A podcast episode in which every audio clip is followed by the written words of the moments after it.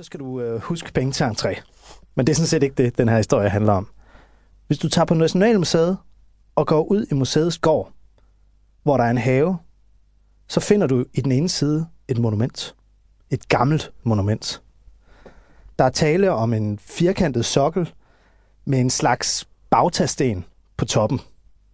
Og hvis du går tæt på, så vil du kunne læse en indskrift på den, som lyder Korfits WF forræderen til evig spot, skam og skændsel.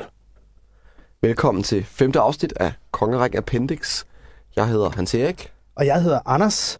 og i dag skal det altså handle om Corfitz Ulfeldt, som Anders lige nævnte her i indledningen. Ja, fordi det her WF, der står på den her sten på Nationalmuseet, det står for Ulfeldt, og den her skamstøtte over ham, som man i dag finder på Nationalmuseet, den stod oprindeligt på Gråbrødre Torv i København, hvor Ulfeldt havde sin gård, da han var Danmarks rigshofmester.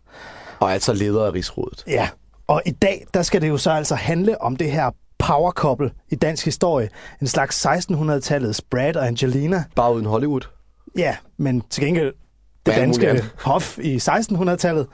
Øhm, det skal nemlig handle om dels Corfitz Ulfeldt, men i, altså også rigtig meget om hans øh, kone, nemlig prinsesse Leonora Christina. Altså datter af Christian 4. og hans elskerinde Kirsten Munk. Præcis. Og det er, vi, er altså, vi snakker om et par her, som tilhører Danmarks Og Europas elite. Ja, den absolute elite. Corfitz Ulfeldt, han lever fra 1606 til 1664, og han er faktisk søn af en rigsråd, som Hedder Jakob Ulfeldt.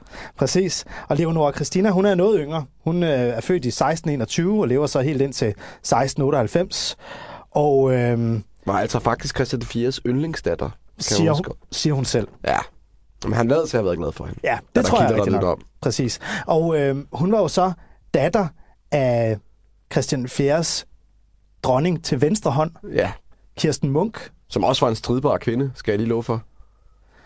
Ja, men det, det er lidt en anden historie. Den gemmer vi lige. Fordi Leonora Christina, hun har sådan set, øh, hun har sådan set nok at, at byde på. Men jeg får forklare, at Leonora Christina var stridbar, havde det måske ikke helt for fremmed. Det er det.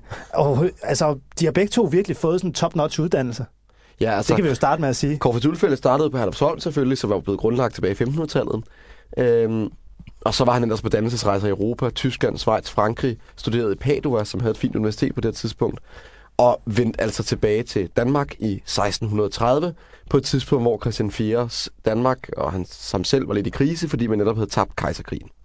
Ja, og Leonora Christina, hun øh, altså, taler jo også flere forskellige sprog og kan virkelig begå sig i finere kredse.